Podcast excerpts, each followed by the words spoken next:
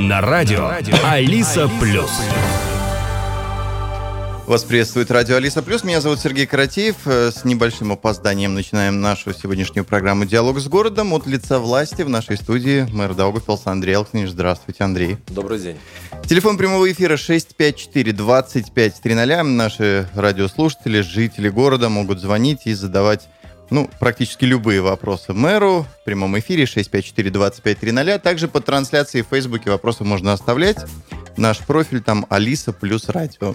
А мы же начнем с самой обсуждаемой тревожной темы на сегодняшний день. Городской радар показывает, что эта тема — это паводок и уровень воды в Даугаве. Какие показатели и, главное, какие прогнозы? В первую очередь, э, я бы хотел бы сказать, что только что э, мы завершили заседание э, комиссии по гражданской обороне, на котором присутствовали руководство Дагупилса, Дагупилса, Аушдоговской краевой думы, Земесардзе, скорая помощь, полиция, пожарники, коммунальные службы, гидромедцентра и так далее, так далее, так далее. На сегодняшний момент, что касается Даугупилса, то более-менее все контролируется. Дамба в Ругелях в первую очередь оправдала свои ожидания. Дамба стоит, мониторится уровень грунтовых вод, которые выдавливаются немножко наружу, потому что шандоры все в городе закрыты, а учитывая количество осадков, то мы как в аквариуме, вода внутри, скажем так, прибывает и некуда уходить, поэтому я думаю, что на, в Ругелях даже немножко сегодня работники поработают и будут откачивать воду, это во-первых. Во-вторых, проблемное место у нас, так называемая первая линия на гриве Юдовки. Вода уже подбирается к границам участков, границам собственности. Некоторые места уже подтоплены, там ответственность службы также свяжутся с жителями для оказания необходимой помощи. Это второй момент.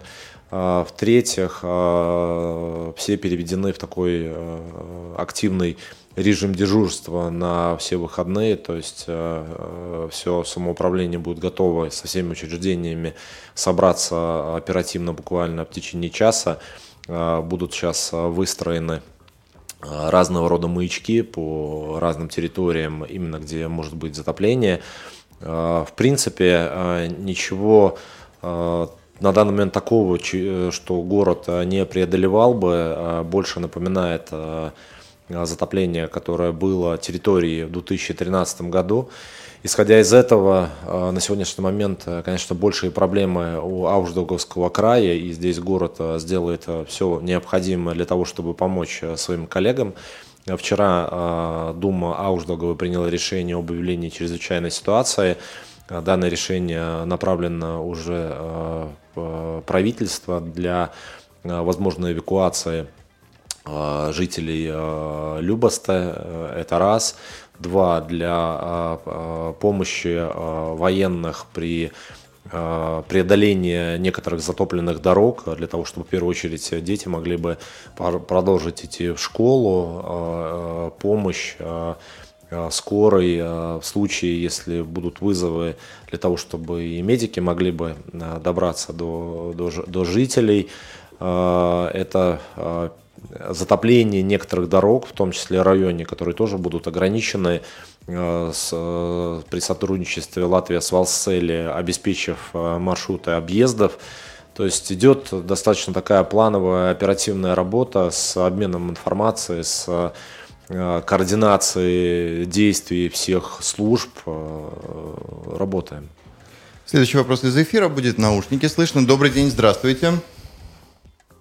Пожалуйста, ваш Алло. вопрос. Да, здравствуйте. Добрый день. Скажите, пожалуйста, господин мэр, я обращался по ЖКХ насчет установку знаков стоянки напротив дома.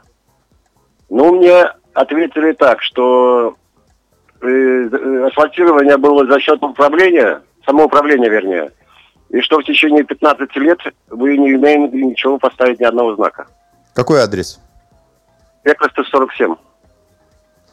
А, все верно. А, если а, асфальтирование внутридворовой территории, которая принадлежит жителю, на основании Патопинаймса Лигума было передано самоуправлению на 15 лет, то, учитывая, что в данный двор были вложены деньги города, то есть всех жителей, знаки отдельные для конкретного дома не предусмотрены. Но это если есть вот так называемый Патопинаем Лигумс на 15 лет.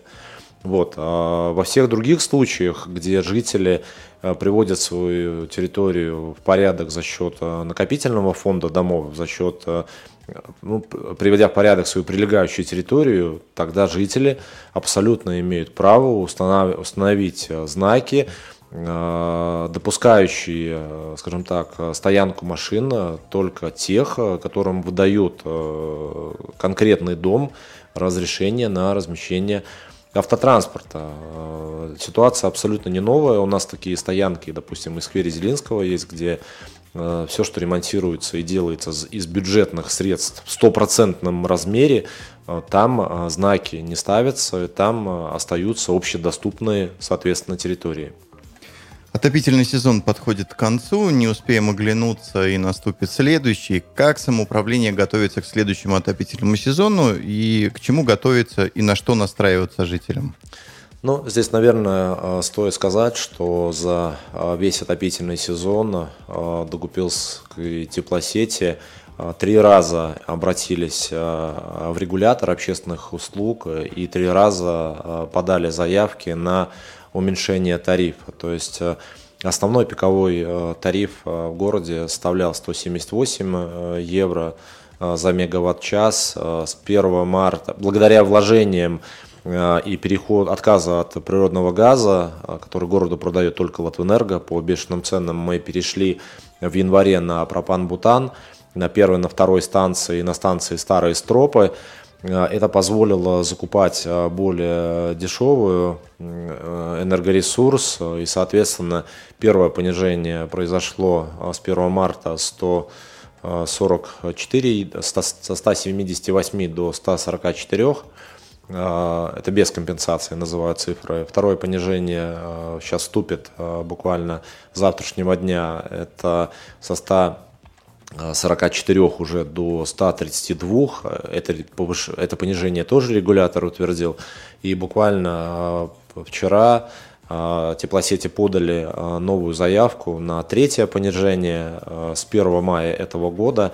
Вместо 132 тариф с 1 мая, в основном это относится на подогрев горячей воды, составит 79 евро.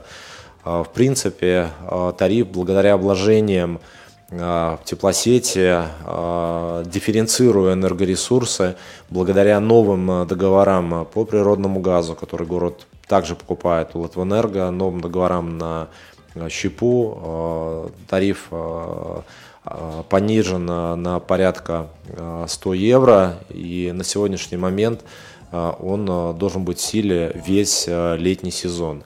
А, договор на природный газ мы заключили уже на новый отопительный сезон, да, в принципе, на 23-24 год.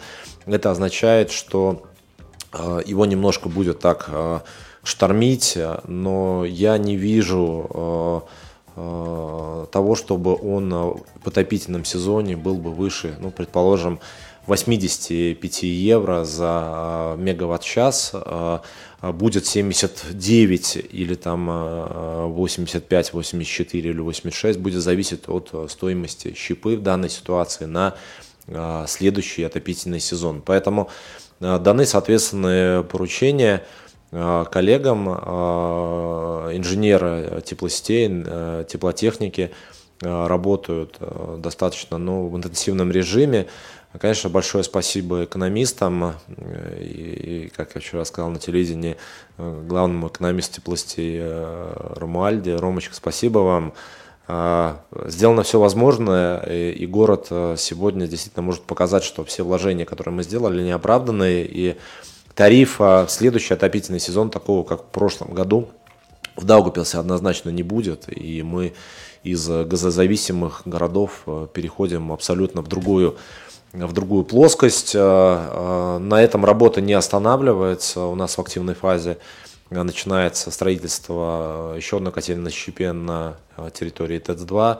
В ближайший месяц Даугавпилс в том числе посетит с визитом министра энергетики Латвии, то есть новое министерство, которое создано для того, чтобы ну, на самом деле увидеть, как произошло вот, вот этот переход, э, дифференцирование. Э, мы единственный город Латвии, который так поступил, единственный город, который три раза подал на понижение. И здесь, ну, на самом деле, есть что показать, когда по сути, с э, громадными вложениями за последние три года, это более 40 миллионов евро, которые мы вложили в теплосети для того, чтобы обеспечить их безопасность, энергонезависимость. И у нас на сегодняшний момент э, фактически нет частников. Э, если раньше их наличие было на предприятии 50 где-то процентов, Сегодня в отопительный сезон это в районе только около 10, а в летний, отопи, в летний сезон вообще 0 да, процентов. То есть мы все самостоятельно сами производим, сами себя обеспечиваем.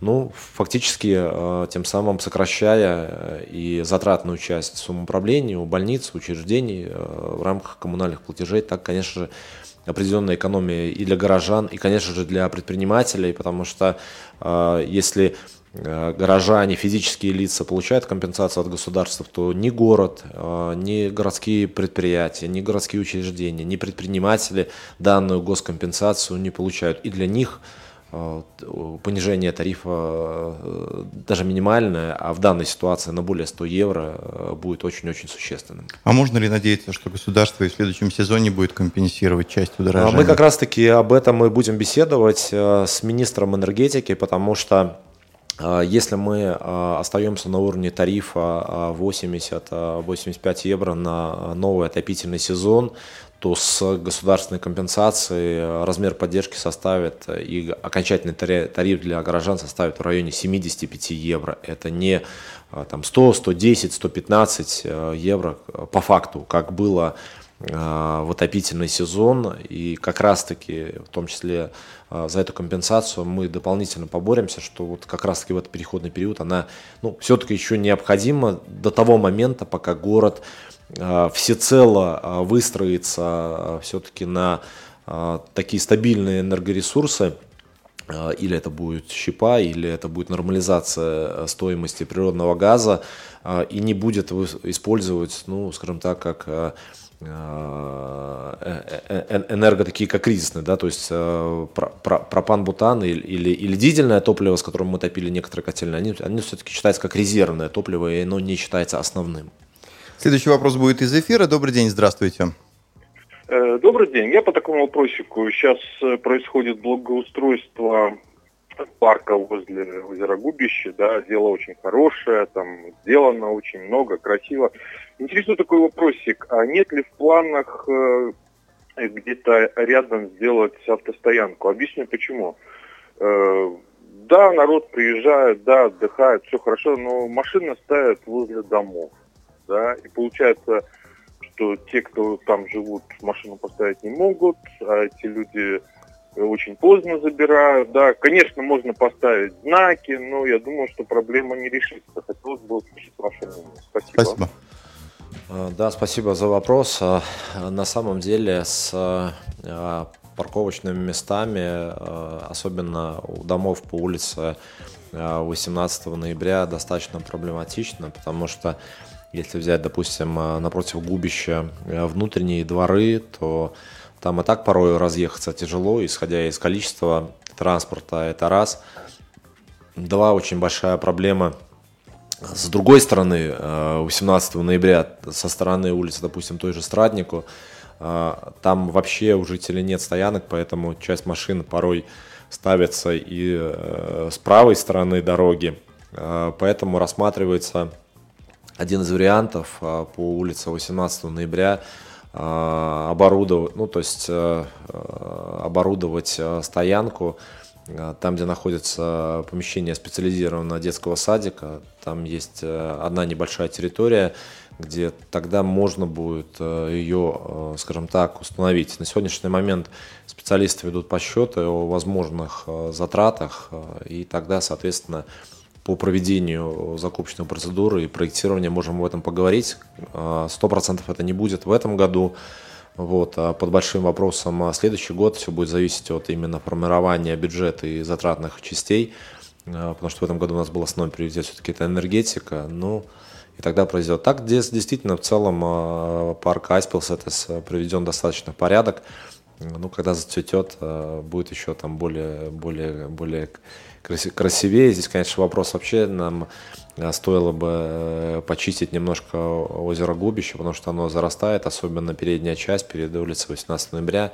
Здесь, может быть, сразу же добавлю, что мы ждем разрешения от зеленых, потому что зеленые пока что нам это делать не разрешают, э, говоря о том, что нам необходимо в большей степени сохранить естественную среду и и естественную природу, которая там происходит, но, э, к сожалению, сам по себе водоем э, исторически, скажем так, ну, умирает, да, наверное, так, так, наверное, можно сказать, достаточно сурово, но, но это факт. И без, вот, скажем так, или углубления, да, его, или без э, каких-то существенных работ по благоустройству его, по, сути, не сохранить. Поэтому мы э, зелеными достаточно активно коммуницируем, э, как бы сделать так, чтобы нам позволили бы там немножко поработать с экскаватором. Мэр Даугавпилса Андрей Александрович сегодня гость программы «Диалог с городом». 654-25-00 номер телефона в студии. Все-таки возвращаясь к теме э, тепла, точнее его сохранения, что могут сделать горожане, чтобы снизить свои счета за отопление в будущем? Может быть, э, расскажете? Какое ваше видение? Не, ну, сфера теплоснабжения в целом это такая улица с двухсторонним движением. То есть э, одно направление это, конечно же, тариф и работа теплостей. Второе направление, которое уже может идти только от жителей, и мы в этом должны помочь горожанам, это программы по энергоэффективности и программы по приведению в порядок своей жилищной собственности. Вот. И исходя из этого, э, мы э, как раз-таки запланировали на 13 апреля, запишите, пожалуйста, приходите, 13 апреля в Доме состоится встреча всех старших по домам, э, со мной, с руководством теплосетей, с руководством ЖКХ, с нашими руководителями проектов, которые расскажут, покажут э, те позитивные примеры, когда даже при э, достаточно высоком тарифе стоимость квадратного метра может не превышать 1 евро за квадратный метр, по примеру утепленного дома по улице Номитню 66. И нам необходимо рассказывать о таких домах, нам необходимо э, поддерживать тех жителей, которые утепляют крышу, утепляют торцевые стены, меняют окна в подъездах, потому что все данные, или, или вот сейчас, допустим, актуальный вопрос становится аллокаторами, да, насколько они могут эффективно, допустим, э, настраивая тепловой режим, экономить э, теплоэнергию именно в самих домах. Вот. И тогда, соответственно, э, доказать, показать те позитивные примеры о том, что лучше а, в том числе вкладывать а, все-таки а, в энергоэффективность дома, чем оплачивать высокие коммунальные счета. Основной причиной, которой на сегодняшний момент все-таки является энергоэффективность дома и потери дома, когда ты его ну, соответственно, согреваешь. И сегодня в городе есть и программы по софинансированию, по реконструкции разных узлов дома, а, сегодня актуальна программа Альтума по софинансированию 50 на 50. А, допустим, дом по улице Шаура на 105 квартир, который буквально в прошлом году ушел на полную реконструкцию, к, помимо 50 а, на 50, 50% жителей, 50% Альтум, город, допустим, дому выделил грант в размере 50 тысяч евро, ну, для того, чтобы еще больше помочь, еще больше простимулировать жителей все-таки идти на на э, данные мероприятия по, по утеплению, потому что лучше все-таки вложиться сегодня, чем, э, соответственно, э, платить большие счета завтра. Следующий вопрос из эфира будет. Здравствуйте. Здравствуйте. Пожалуйста. У меня такой вопрос. Ну, все, наверное, или, ну, не все, но многие, кто видел, кто слышал этот скандальный фильм, который недавно был про Даугавпилс, котором было сказано, что в Даугавпилсе все плохо. Ну и одна, один из пунктов, что, ну, вы посмотрите, в Даугавпилсе нигде не видно ни одного строительного крана, ничего в этом Даугавпилсе не происходит. Вот в Риге-то да, там все строится, все делается.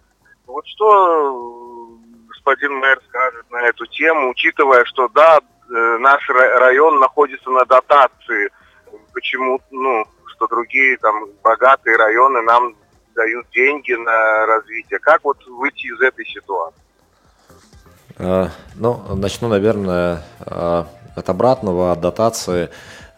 Есть так называемый механизм выравнивания в государстве, и э, в этом механизме выравнивания участвует не только Даугупилс, а в этом механизме выравнивания участвуют и Венспилс, и Лепая, и все самоуправления и города Латвии, кроме Риги и так называемого Пририжья. А все остальные, скажем так, а, получают финансирование а, в рамках механизма выравнивания. То есть это раз. Два, ну, я, честно говоря, не знаю, о каком фильме идет речь, я его не смотрел, просто не было, не было, наверное, времени для того, чтобы погружаться в какие-то фантазии очередного заезжего, скажем так, продюсера, да, назовем, наверное, так. Вот, но вот я часто сейчас бываю по Наятнику, на, на Смилшу, на Вайнюдес или э, на той же самой Эспланаде, ну, техники так называемых кран, кранов, э, ну, наверное, не сосчитать. Сегодня вообще, если мы говорим о сфер, таких сферах, как приведение в порядок инфраструктуры общественного транспорта, ну, мне кажется, Э, нигде даже такого не происходит. Ну, конечно, не, не сравнить, наверное, с объемом Риги, но э, вложения э, в инфраструктуру исторически колоссальные. Только в этом году город притянул финансирование на порядка, ну, наверное, миллионов сорок, которые только уйдут на транспортную инфраструктуру идет стройка, можно дискутировать, надо, не надо, э, и, и по-разному обсуждать, допустим, ту же самую ветку по улице Вайнидес, но там работают все наши люди, там работают все наши субподрядчики, там работают все компании, которым, э, которые получают эти деньги и платят людям зарплату. И дорожники на сегодняшний момент э, в Даугупилсе загружены более чем. И мы абсолютно настроен на то, чтобы привести достаточно транспортную инфраструктуру в порядок. Ну, э, ДКХ, э, Ятнику, Смилшу, конечно же, сейчас по объездным путям Ятнику разбивается уже Ятнику сама. Э, там также будет переложено, мы запланировали асфальт, выделили дополнительные деньги. По Вайнидес тоже улица разбивается, тоже приведем в порядок. Уже начались ремонтные работы по Цетокшне до Ригас. До лета будет в том числе проведена, допустим, э, часть улицы Саулес, который, где работы начались. Э, Риг, то есть Ригас, э, там где пожарка, на, на Гриве, Э, также э, по гарантии будет приведен асфальт. То есть, ну, работы идут, ну, на эспланаде, скажем так, также оборудовываются смотровые площадки вокруг, э, стропы облагораживаются. То есть, работа, работа все целая идет, и она продолжается. Ну, больше, наверное, сказать по, по фильму данному, наверное, нечего мне. Следующий вопрос из эфира. Здравствуйте. Здравствуйте. Очень приятно, когда говорят о всяких строительствах. Будьте добры, помогите мне, пожалуйста, если можно. Мне надо помочь женщине, одинокой, абсолютно одинокой. Куда надо обратиться? Куда надо обратиться Скажите, для того, чтобы она могла получить, э, ну вот, коляску такую, которая впереди идет, она не ходит. Она по комнате или передвигается. Вы можете адрес, пожалуйста, подсказать? Э, и в таких случаях э, обращаются в социальную службу. Там есть э, целый отдел по помощи людям старшего поколения и людям с специальными потребностями. И такая помощь будет оказано. Ну, адрес, если можно, может быть, потом отзвонить. Это и... социальная помощь. Где находится социальная помощь? Социальная помощь э, находится по улице Венибас. Венибас. И Лачплеш, э, центр приема.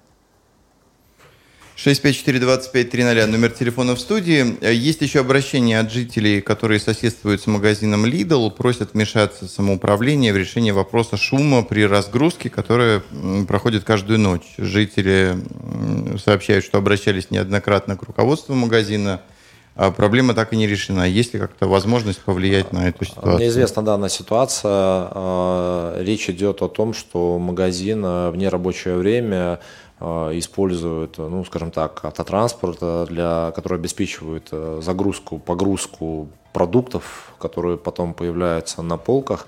А, мы связались с руководством и попросили как-то этот вопрос организовать. Ответ на, еще, еще у нас не получен. Проблема в том, что на сегодняшний момент даже нет вообще в государстве четкого Э, понятие по уровню шума для того, чтобы мы могли бы э, проверить, допустим, их э, работу в соответствии с нормативным регулированием, но я бы все-таки понадеялся бы, что будет более-менее приведена порядок работы самого магазина и как-то этот конфликт разрешится на месте. На прошлой неделе вы встречались с министром образования и науки Латвии Андой Чакшей. Какие вопросы обсуждались? А, на самом деле очень много вопросов обсуждались. Мы э, всецело, наверное, э, провели такую э, порядка шестичасовую дискуссию с министром.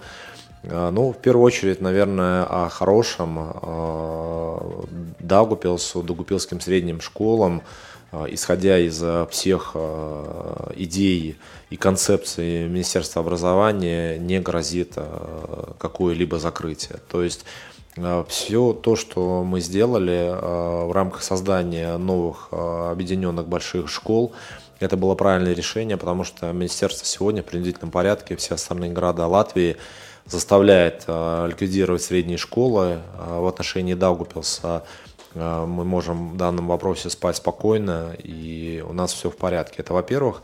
Второй вопрос, который мы обсуждали, это, конечно же, вопрос возможного протеста, э, стрейка педагогов э, по поводу увеличения заработной платы. Моя позиция была достаточно проста. Раз обещали, выполняйте. Если не можете выполнять, не надо было обещать.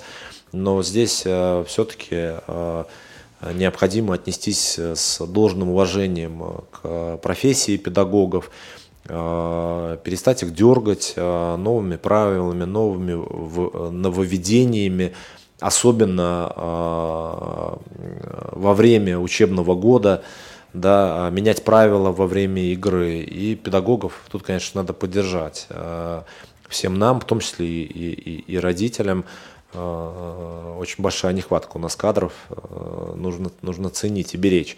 Это второй момент. Третий – это Вопрос перехода а, школ а, на полное обучение латышского языка. Речь идет о первых, четвертых и седьмых классов. Понятно, что а, не все дети готовы к данной реформе, поэтому необходимо переходное время, по меньшей мере, для того, чтобы перед тем, как дети перешли бы к каким-то специализированным предметом, все-таки в первую очередь тогда им, наверное, помочь э, справиться с э, уровнем латышского языка, чтобы уже в специализированных предметах понимать. Особенно это касается, конечно же, специальных школ, где ну, проблемы бывают более масштабные и, и, и по, скажем так, стандартным предметам. Параллельно мы обсудили судьбу Дугупилского университета, для меня было важно донести, что Даугупилсу и региону в целом университет необходим. А, вопрос объединения с Латвийским университетом превратило бы Даугупилский университет лишь в филиал с ограниченным числом, а, количеством программ или с формой обучения первые два года здесь и остальные в Риге. Почему необходим? Потому что все-таки это магнит для определенной миграции, э, то есть как для наших жителей, которые могут получить здесь высшее образование остаться в городе, так и для жителей всего региона, которые уже могут, э, скажем так, приезжать и, и жить в Даугупилсе путем получения э, здесь образования. Обсудили вопрос о повышении стоимости детских обедов в школах. Как мы знаем, исторически долгое время было евро 42, в прошлом году подняли до 2,15. На сегодняшний момент министерство инициировало поднятие средней стоимости за обеды до 3,09. Вот, и Э, проблема министерства в том, что они оплачивают 50% от этих 3,09 только для первого-четвертого класса. Это означает, что э, софинансирование для города, э, если мы тянули и поддержали наших учащихся до 2.15, и единственный, по сути, город остался без финансирования, то при 3.09, конечно, нам нужно будет перейти к э, вопросу э, софинансирования родителей, но если обеды в школах будут стоить 3,09, э, ну, достаточно высокая цена, и обеды тогда в такой ситуации должны быть качественными. Поэтому управлению образования мы поручили разработать, скажем так, иной подход для детских обедов в школах и скорее всего, мы перейдем к концепции так называемых шведских столов. Вот приходит ребенок в столовую, чтобы у него был бы выбор. Хочет картошку, берет картошку, хочет макароны, берет макароны, макароны, хочет гречку, берет гречку, выбирает сосиску или карбонат. Ему это накладывают, и он, соответственно, получает теплую, качественную еду, которая потом а, не уходит, скажем так, никуда Э, в мусорник, э, это, конечно же, заставит немножко поменять э, последовательность перемен, их, соответственно, надо будет увеличить, потому что стандартная перемена 15-20 минут, она не подходит к такой, к такой форме, перемена необходима на уровне 40 минут. Это, конечно, проблематика ПВД, которая на сегодняшний момент э, ярко, и это, и это я с ними согласен, э, ну не может быть в отдельных классах обед в 9 утра, да, там или в 10. Э, обед должен быть тогда, когда обеденное время, а не так, чтобы ребенок по концу школьного дня после обеда чувствовал бы себя голодным. Вот, поэтому здесь, конечно, будут изменения, о которых мы, наверное, расскажем детальнее, но главное все-таки это то, что Государство финансирует только 50% первый, э, первый, четвертый класс, и город э, выстроит тоже свое финансирование для э, и 1, 4, и 5, 9, и 10, 12. При 3.09, э, скорее всего, мы, вернем, мы придем к софинансированию родителей. Вопрос в каком размере и как это будет. Но при уже таких больших цифр мы обязаны просто перейти к изменению подхода качества питания. То есть оно должно быть тогда свежее, теплое и вкусное. А, буквально несколько минут в нашем с вами распоряжении. В Даугавпилсе около 4000 человек с российскими паспортами. Согласно латвийскому законодательству, они сейчас должны сдать экзамен э, по госязыку и выполнить ряд других условий, чтобы получить право остаться в Латвии. Какие для них есть решения? А, ну, наверное, э, попросил бы, может быть, отметить э, тех горожан, у которых на руках паспорта Российской Федерации, что у нас состоится большая встреча в ДКХ. Э, запишите, пожалуйста, 8 апреля э, в 10 утра. Буду присутствовать я, будет присутствовать Елизавета Кривцова. Встреча будет о исках в Конституционный суд, о, по тем делам, которые уже в Конституционном суде начаты. Сегодня это 4 дела, 29 заявителей, часть из них из Даугупилса. Мы Э, инициировали там это рассмотрение данного дела. К чему это привело? Это привело к уже переносу срока э, экзаменации латышскому языку э, с 1 сентября до 31 декабря. Почему 31 декабря? Потому что все прекрасно правящие понимают, что Конституционный суд закончится для них печально. Буквально вчера признал перспективы данного иска и бывший председатель Конституционного суда, указав, что Э, данные нормы и ограничения по иммиграционному закону, которые фактически аннулируют ВНЖ, являются несоответствующим Конституции. Вот как раз таки на этой встрече мы детально для...